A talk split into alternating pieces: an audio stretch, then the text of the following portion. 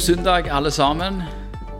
Eh, Med glede så kan jeg si at eh, dette er den siste søndagen som bare vil være på nett. Fra og med neste søndag så kommer vi til å samles på Betel.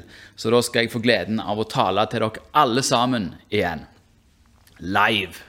Det gleder jeg meg, til og ser mye fram til. Informasjon om hvordan det vil foregå, det vil komme på eh, nettsidene våre, eh, eller på Betel eh, eh, på, på Facebook-gruppa vår, eh, i løpet av uka. Eh, så følg med der. I dag skal vi hoppe rett inn i Bibelen. Begynne der. Vi skal inn i Lukas 17, 20-21. Og der er det sånn at eh, fariserene spør Jesus om når Guds rike skal komme. Da fariseerne spurte ham om når Guds rike skulle komme, svarte han dem og sa, Guds rike kommer ikke på en slik måte at jeg kan se det med øynene. Heller ikke skal de si, se her eller der er det. For se, Guds rike er inne i dere. For jødene på Jesu tid så var forventningene om Messias det var at han skulle komme, og så skulle han gjøre opprør, et fysisk opprør mot romerne. At han skulle opprette et politisk kongedømme her på jorda som skulle kaste romerne på dør. Men Jesus han viste oss at Guds rike det er en helt annen kategori enn andre riker. Det er ikke et fysisk rike. Du kan ikke peke på det og si 'her er det', eller 'der er det'. Du finner det ikke på kartet. Nei. Det er et åndelig rike. Det har ikke bygninger, det har ikke flagg eller grenser. Det bor inne i de som tror på ham. I dag skal jeg snakke om noe som kan virke litt på sida, men som er veldig viktig for hvordan vi forstår livene våre i den verden som vi lever i. Som kristne så lever vi i et spenn mellom den fysiske verden, den som vi kan ta på, og den åndelige verden, den som er eh, bortenfor vår verden. Vi lever hele vårt liv i en fysisk virkelighet. Og Samtidig så er vår tro forankra til Gud, og han er bortenfor vår virkelighet. Han er bortenfor vår verden. Derfor har jeg kalt denne talen for 'Hjemland i himmelen'. I verden, men ikke av verden. Vi skal gå videre til Filipperbrevet 3, vers 18-20. Der sier Paulus.: For som jeg ofte har sagt dere, og nå igjen sier med tårer Mange vandrer som fiender av Kristi kors. De ender i fortapelsen. Deres Gud er buken, og de setter sin ære i sin skam. De trakter bare etter jordiske ting. Men vi har vårt hjemland i himmelen. Derfra venter vi også Herren Jesus Kristus som frelser. Hva er jordiske ting? Jo, det er ting i denne verden. Mat og klær, familie og eiendom, politikk og ideologi, jobb og økonomi, kunst og kultur. Alt dette er ting i denne verden. Og i hele vårt liv her på denne jorda så er vi jo en del av dette. Vi er, vi er opptatt av disse tingene, og på sett og vis er vi òg delvis lojale mot disse tingene. Vi er lojale mot familien vår. Vi prøver å være pliktoppfyllende overfor arbeidsgiveren vår. Vi betaler vår skatt til staten, og vi følger de lovene som gjelder. Samtidig så advarer Paulus oss om å trakte etter jordiske ting. Det vil si trakte etter ting som gir deg fordeler i denne verden. Forklaringen på hvorfor vi ikke skal trakte etter disse tingene, det er at, det sier Paulus er at vårt hjemland er i himmelen. Det er det som er hans forklaring. Hva betyr det? Jo, det betyr at dette her, det livet som vi lever her, det er ikke vårt hjem. Vår ytterste lojalitet kan derfor heller ikke være mot familien, mot jobben eller nasjonen som vi er en del av. Den må være mot Gud. Paulus han poengterer med å si at vi har et hjemland i himmelen. At vi er først og fremst Guds barn. Du er ikke først og fremst etternavnet ditt. Du er ikke først og fremst en jærbu. Eller du er ikke først og fremst norsk. Du er først og fremst et Guds barn. Og det å få dette på den rette plassen, få sin identitet på den rette plassen, og sin lojalitet på den rette plassen, det er veldig, veldig viktig.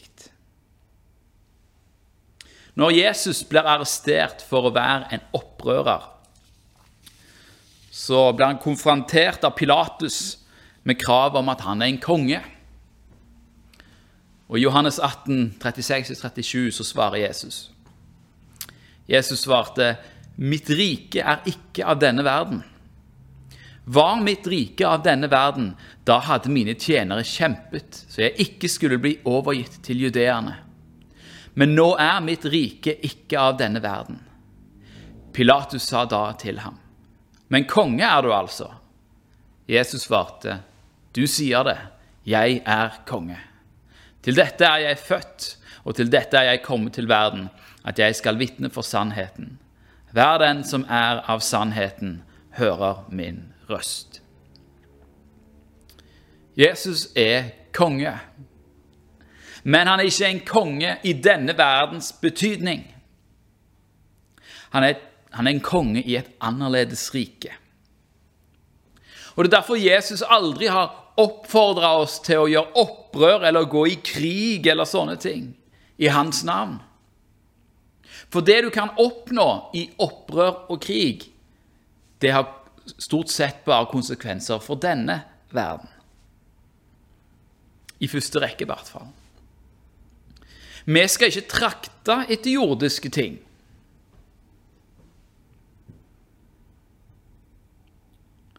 For vi har et hjemland i himmelen. Hva enn denne verden kaster imot oss, om det er urettferdighet eller lidelser, så får det bare konsekvenser for denne verden. Altså, jeg skal si det en gang til. Hva enn verden kaster mot deg, så får det bare konsekvenser for denne verden. For riker, de oppstår, og de faller. Men Guds rike står fast til evig tid. Derfor er det også viktig at vår lojalitet ligger der. I Johannes 15, 18-20 så står det Når verden hater dere, da skal dere vite at den har hatet meg før dere. Var dere av verden, da ville verden elske sitt eget. Men fordi dere ikke er av verden, men jeg har utvalgt dere av verden, derfor hater verden dere. Vi som tilhører Jesus, er ikke av denne verden. Og det kan være litt vanskelig å forholde seg til denne realiteten. At vi ikke er av denne verden. Hele mitt liv så har jeg jo levd i denne verden. Men jeg er altså ikke av denne verden. Det er fordi vi gjennom Jesus' blod, sin soning for vår synd, at vi har blitt borgere av et annet rike, av Guds rike. Vi har blitt en del av Gud sitt rike. I Hebreabrevet 11, i sin beskrivelse av hva troen er, så tar forfatteren oss gjennom mange av trosheltene i Bibelen, i, spesielt i Det gamle testamentet. Um, tar oss gjennom uh, Eller nevner personer som Abel, som Enok, og Noah, Abraham og Isak og Jakob. Og Så sier han noe ganske interessant om dem. Sara òg blir faktisk nevnt her. Det må jeg òg si. I Hebreabrevet 11, eh, vers 13-16. I tro døde alle disse uten at de hadde oppnådd det som var lovt. Men de hadde sett det langt borte og hilste det. De bekjente at de var fremmede og utlendinger på jorden. For de som sier slikt, gir derved til kjenne at de søker et fedreland. Hvis det var landet de dro ut fra de tenkte på, så hadde de hatt tid til å vende tilbake. Men nå er det et bedre land de lengter etter, det himmelske. Derfor skammer ikke Gud seg over dem ved å bli kalt deres Gud, for han har gjort en by ferdig til dem. Og Mye av Gammeltestamentet er en historie om oppbrudd fra landet der man bor. Når Gud kaller Abraham, så kaller han Abraham til å gå ut av det landet. Han får beskjed om å forlate sin fars slekt. Han får, får eh, befaling om å forlate det landet han bor i, til et annet land som han skal vise ham. Og når han kommer til det landet, så bor han der òg som en utlending. Det er han som sier at eh, 'jeg er en fremmed og en utlending blant dere'. Gud hadde lovt han og etterkommerne hans landet, men han var ikke der ennå. Moses han får òg beskjed om å føre Israel ut fra Egypt.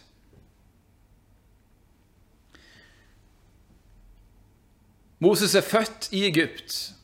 Israel er bosatt i Egypt.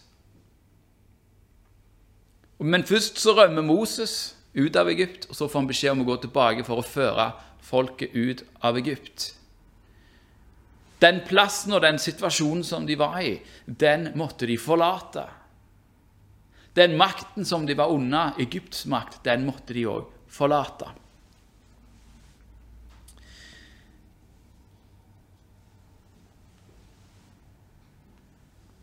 Både Abraham og Moses får beskjed om å bryte lojaliteten til sine familier.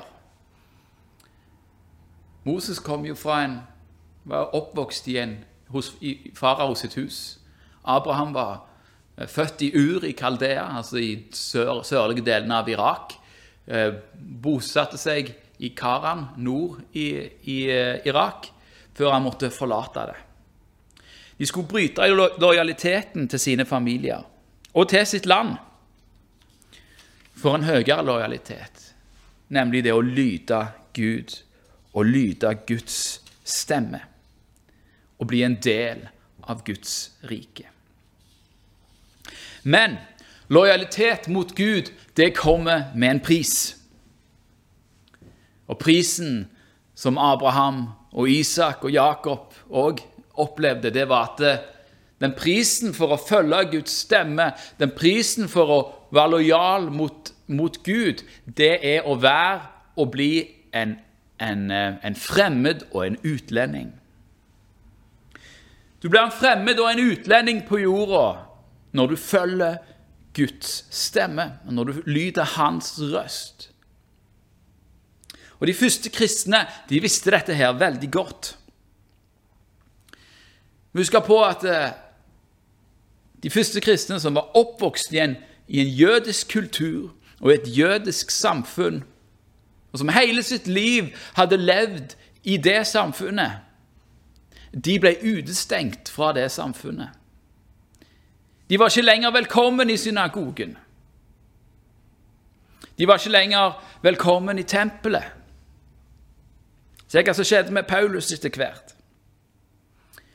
Og I det romerske samfunnet, som var det store imperiet på den tida, så var de heller ikke velkommen, for de nekta å tilbe keiseren. De ble steina av jødene. De ble slått av grekerne. De ble fengsla, torturert og drept av romerne. Å være en kristen var å være statsløs. Persona non grata. Uønska person. I fortsettelsen av sin beskrivelse så sier Hebreverbrevet i vers 37 at verden var de ikke verd, med referanse til alle som måtte lide for sannheten om hvem Gud var, og sannheten om hans rike. Men i oppmuntring til å holde fast på troen, uansett omstendigheter, så peker hebreerbrevet på det som kommer. I Hebreerne 12, 22-24 så står det at Men dere er kommet til Sionsberg, til den levende Guds by, det himmelske Jerusalem til englenes myriader, til høytidsskaren og menigheten av de førstefødte som er oppskrevet i himlene, til en dommer som er alles Gud, og til de fullendte rettferdiges ånder, til Jesus, mellommannen for en ny pakt, og til bestenkningens blod som taler bedre enn Abels blod. De første kristne de visste at de var borgere av et annet rike. De var borgere av et bedre rike. Det var den visjonen som hebreerbrevet her viser, om Sionsberg, om et nytt Jerusalem, om englenes myriader og høytidsskaren, om Jesus sjøl. Det er det de så fram til. Det var det de anså som hjem. Og De ble stadig påminnet om at de var fremmede og utlendinger på jorda gjennom forfølgelse. Og Gjennom de første 300 åra av kristendommens historie så blir de kristne forfulgt rundt forbi overalt. Og Allikevel så går Guds rike fram. Fordi sannheten om i evangeliet er, er sant. altså, Budskapet i evangeliet er sannhet. Og for de som får se den sannheten, og for de som får tak i sannheten, så forvandler de livene deres. Og de vil heller være en del av Guds rike enn å være en del av Romerriket. Men på 300-tallet så skjer det noe nytt. Noen endringer. Kristendommen blir tillatt i Romerriket. Og i år 380 så skjer det noe, en begivenhet som på godt og vondt kommer til å påvirke oss helt fram til i dag. Kristendommen blir statsreligion i Romerriket. Det betyr at eh, nå blir det sånn at eh, staten og kirka, disse to rikene som egentlig ikke eh, Som egentlig er helt forskjellige fra hverandre, de begynner nå å føre sammen og skal spille på lag. Det er først nå at begrepet kristenheten vokser fram. Kirke og stat blir vevd sammen på en måte som gjør at det, det blir vanskelig å skille. Guds rike, som ikke hadde verken bygg, flagg eller fanfarer eller grenser, det får nå plutselig både bygg, flagg, fanfarer og grenser. Korset blir et symbol i flagget og den kristne troen blir vevd inn i statsforfatningen. Vi begynner å snakke om kristne riker, kristne land, kristne folkeslag.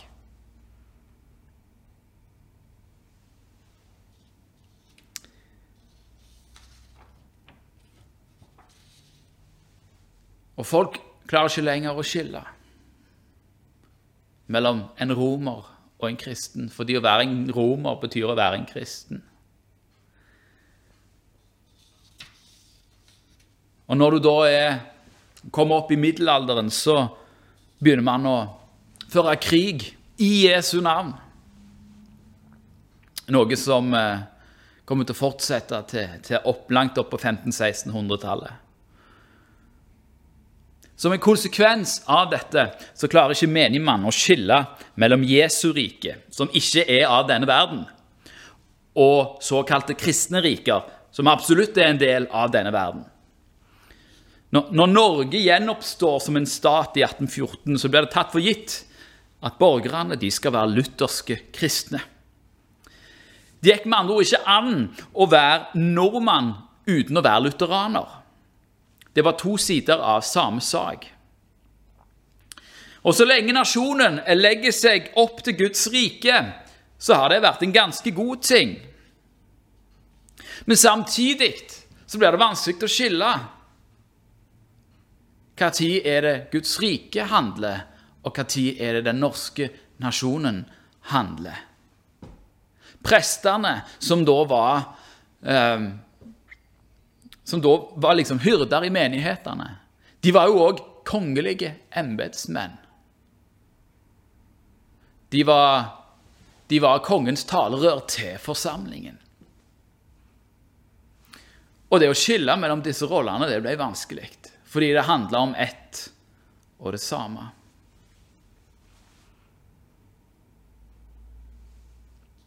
Men når Guds rike og Norges rike går i to forskjellige retninger, hva da? Hvor ligger din lojalitet da? Det var dette Hans Nilsen Hauge møtte på i forkant av, eh, av dette, på, sent på 1700-tallet. Han lengta etter Gud, og Gud fant han. Og Gud brukte han, og Gud sendte han som en forkynner. Men fordi han ikke var godkjent av staten, så ble han fengsla. Noe av det første den norske stat gjorde i 1814, var å fengsle Hans Nilsen Hauge på ny.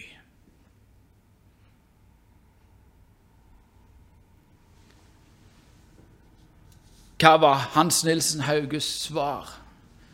Når han ble konfrontert med dette, at han som ikke hadde utdannelsen, som ikke var en kongelig embetsmann, ga seg til å reise rundt og forkynne Guds rike. Hva var hans svar? Det var det samme svaret som Peter hadde sagt. Når at han av ypperste prestene ikke fikk lov å forkynne at Jesus hadde stått opp fra de døde. Han sa, 'Du skal lyde Gud mer enn mennesker'. Når Guds rike går i én retning, og nasjonen går i en annen, hvor ligger vår lojalitet da? Mange av oss og kanskje spesielt dere eldre, som vokste opp i ei tid der nasjonen lå nærmere Guds rike enn det han gjør nå, vil føle at dere er fremmede og utlendinger i deres eget land. Fordi de lovene og normene som regulerte livet i tråd med Guds vilje, de gjelder ikke lenger i landet vårt.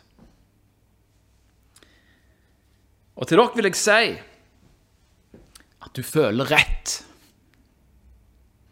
Du føler deg som en fremmed og en utlending i ditt eget land fordi du er en fremmed og en utlending i ditt eget land. Og, dette er viktig, det er ikke ditt land. Det er ikke ditt land. Din lojalitet kan ikke og vil ikke og skal ikke være til dette landet.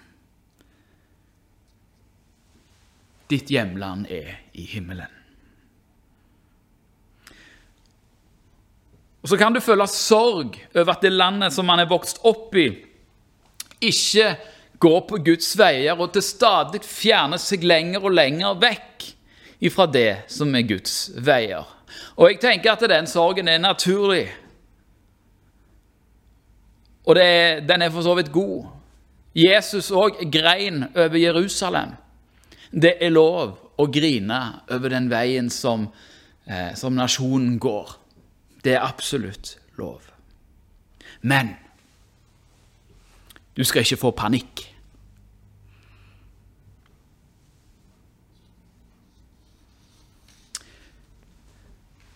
Og så skal du huske på at din tro og din glede ikke er bundet opp til den veien nasjonen går den er bundet til Jesus Kristus.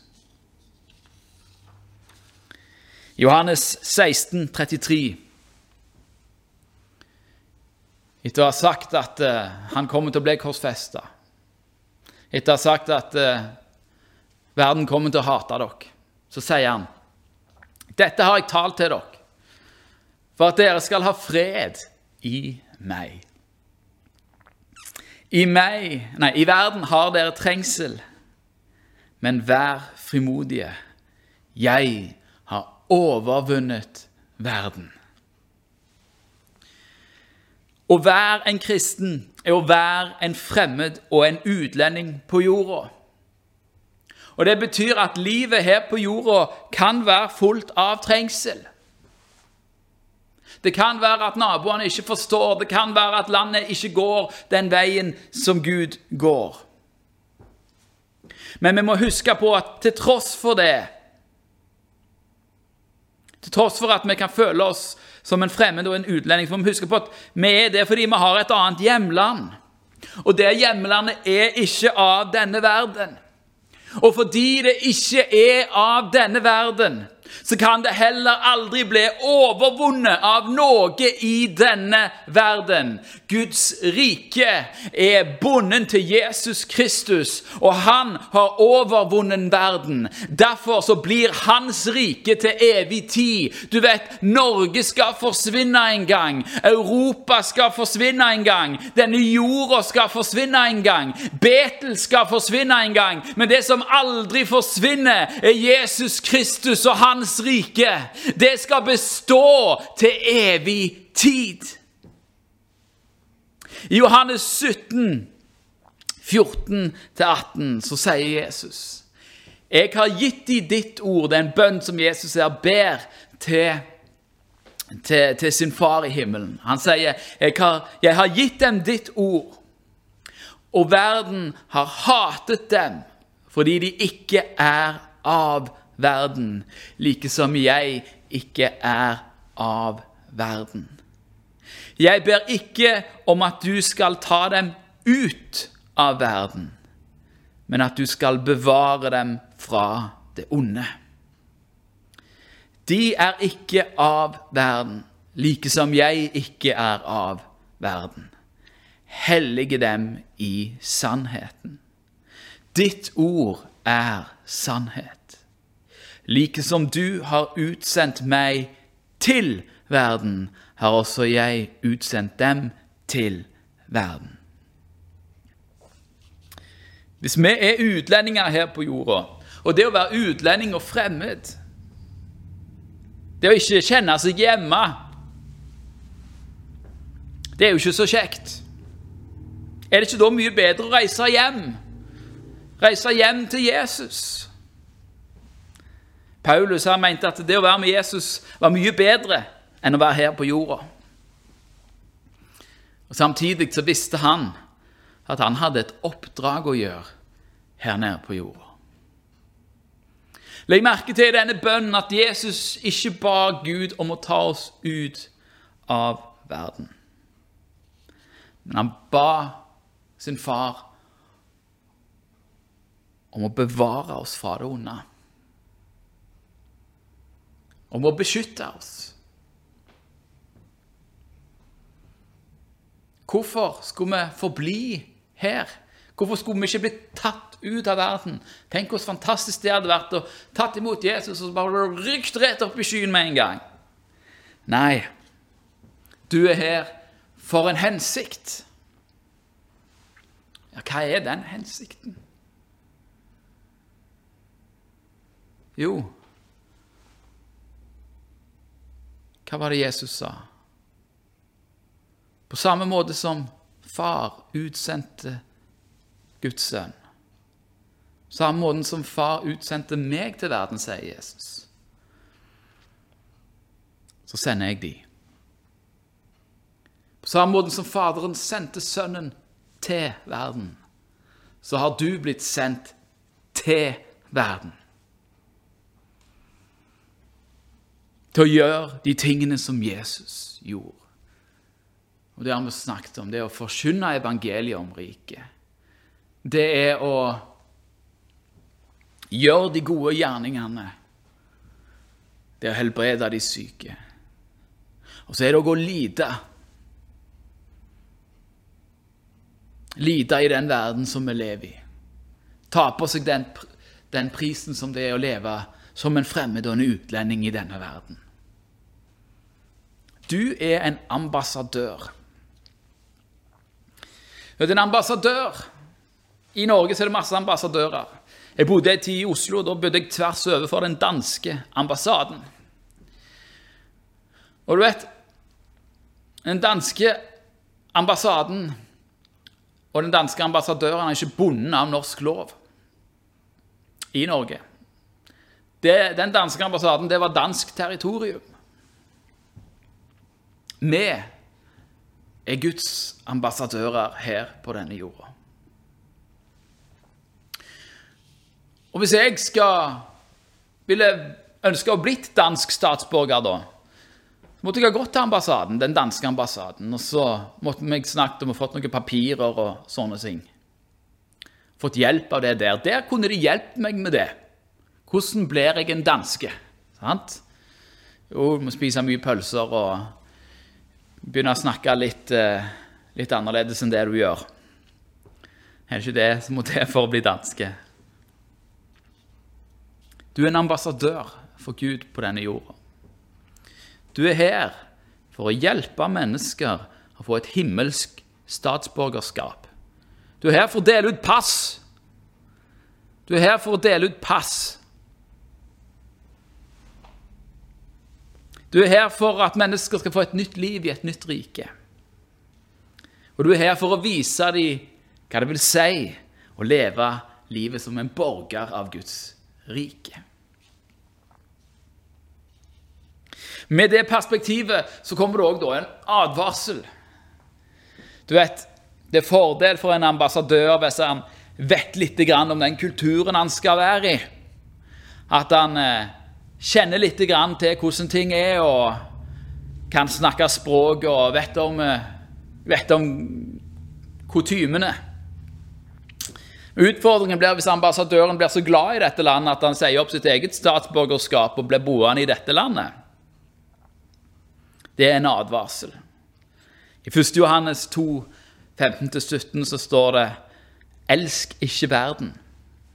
Og Da, da er ikke da forstått menneskene i denne verden, for de er veldig verdifulle, men denne verdens system. Elsk ikke verden, sier Johannes. Heller ikke de ting som er i verden. Om noen elsker verden, da er ikke Faderens kjærlighet i ham. For alt som er i verden, kjødets lyst, øynenes lyst, håndmodig skryt av det en er og har, er ikke av Faderen, men av verden.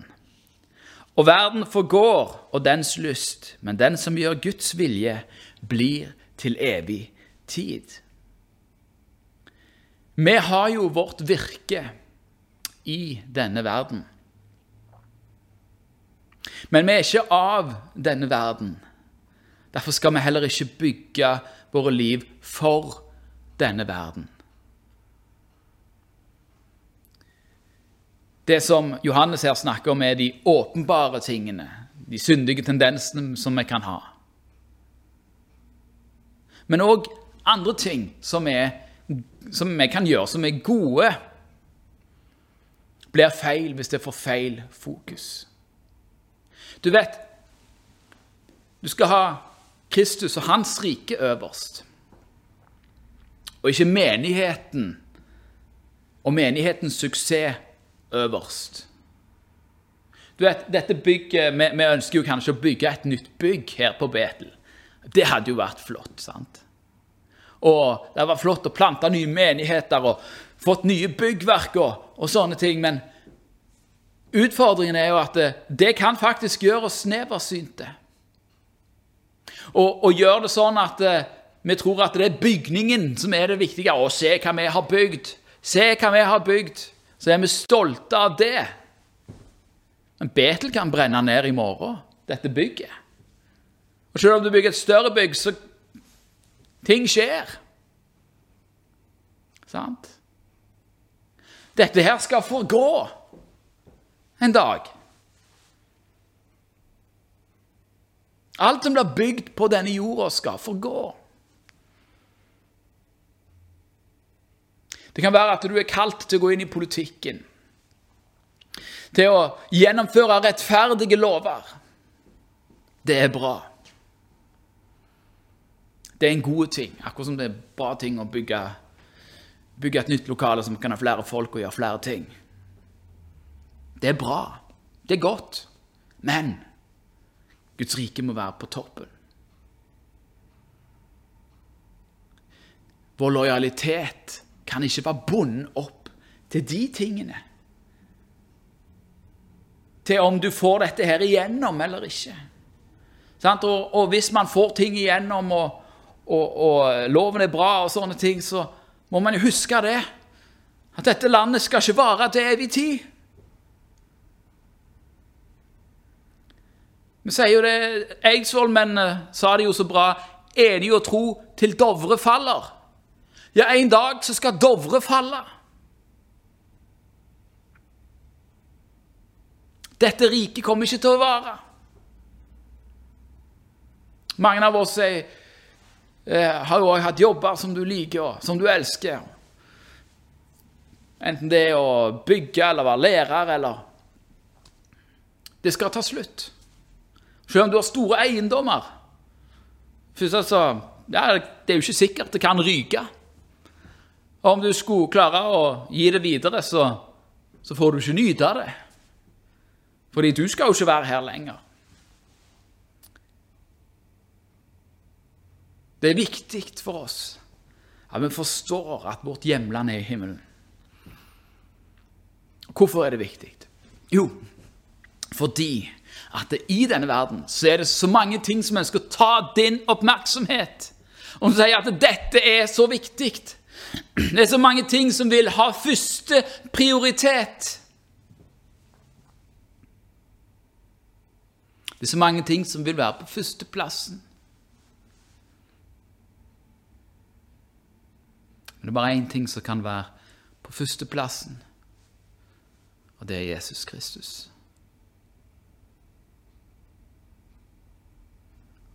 Og dermed så er ikke vår lojalitet til dette riket her nede, men til det riket der oppe. Det er ikke til det som har vært, men det er til det som kommer. Der er vårt hjemland. Og Det som er så bra med å ha det, ha det håpet og ha det som det vi, der vi setter vår lit, det er det at eh, hva enn som måtte skje her i verden, så endrer ikke det faktum om det som kommer det. Og dermed så blir vi ikke redde. For vi vet at det riket som kommer, det skal ikke rokkes. Det kan ikke rokkes. Det var det jeg ville si. Du har et hjemland i himmelen.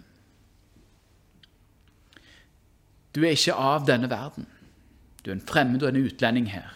Men du er i denne verden, og det er fordi du har blitt sendt til denne verden for å proklamere de gode nyhetene om at Jesus Kristus han har dødd for alle mennesker, sånn at de kan få sin synd utsletta og bli en borger av et rike som aldri skal ta slutt. Det er evangeliet. Det er det vi står på.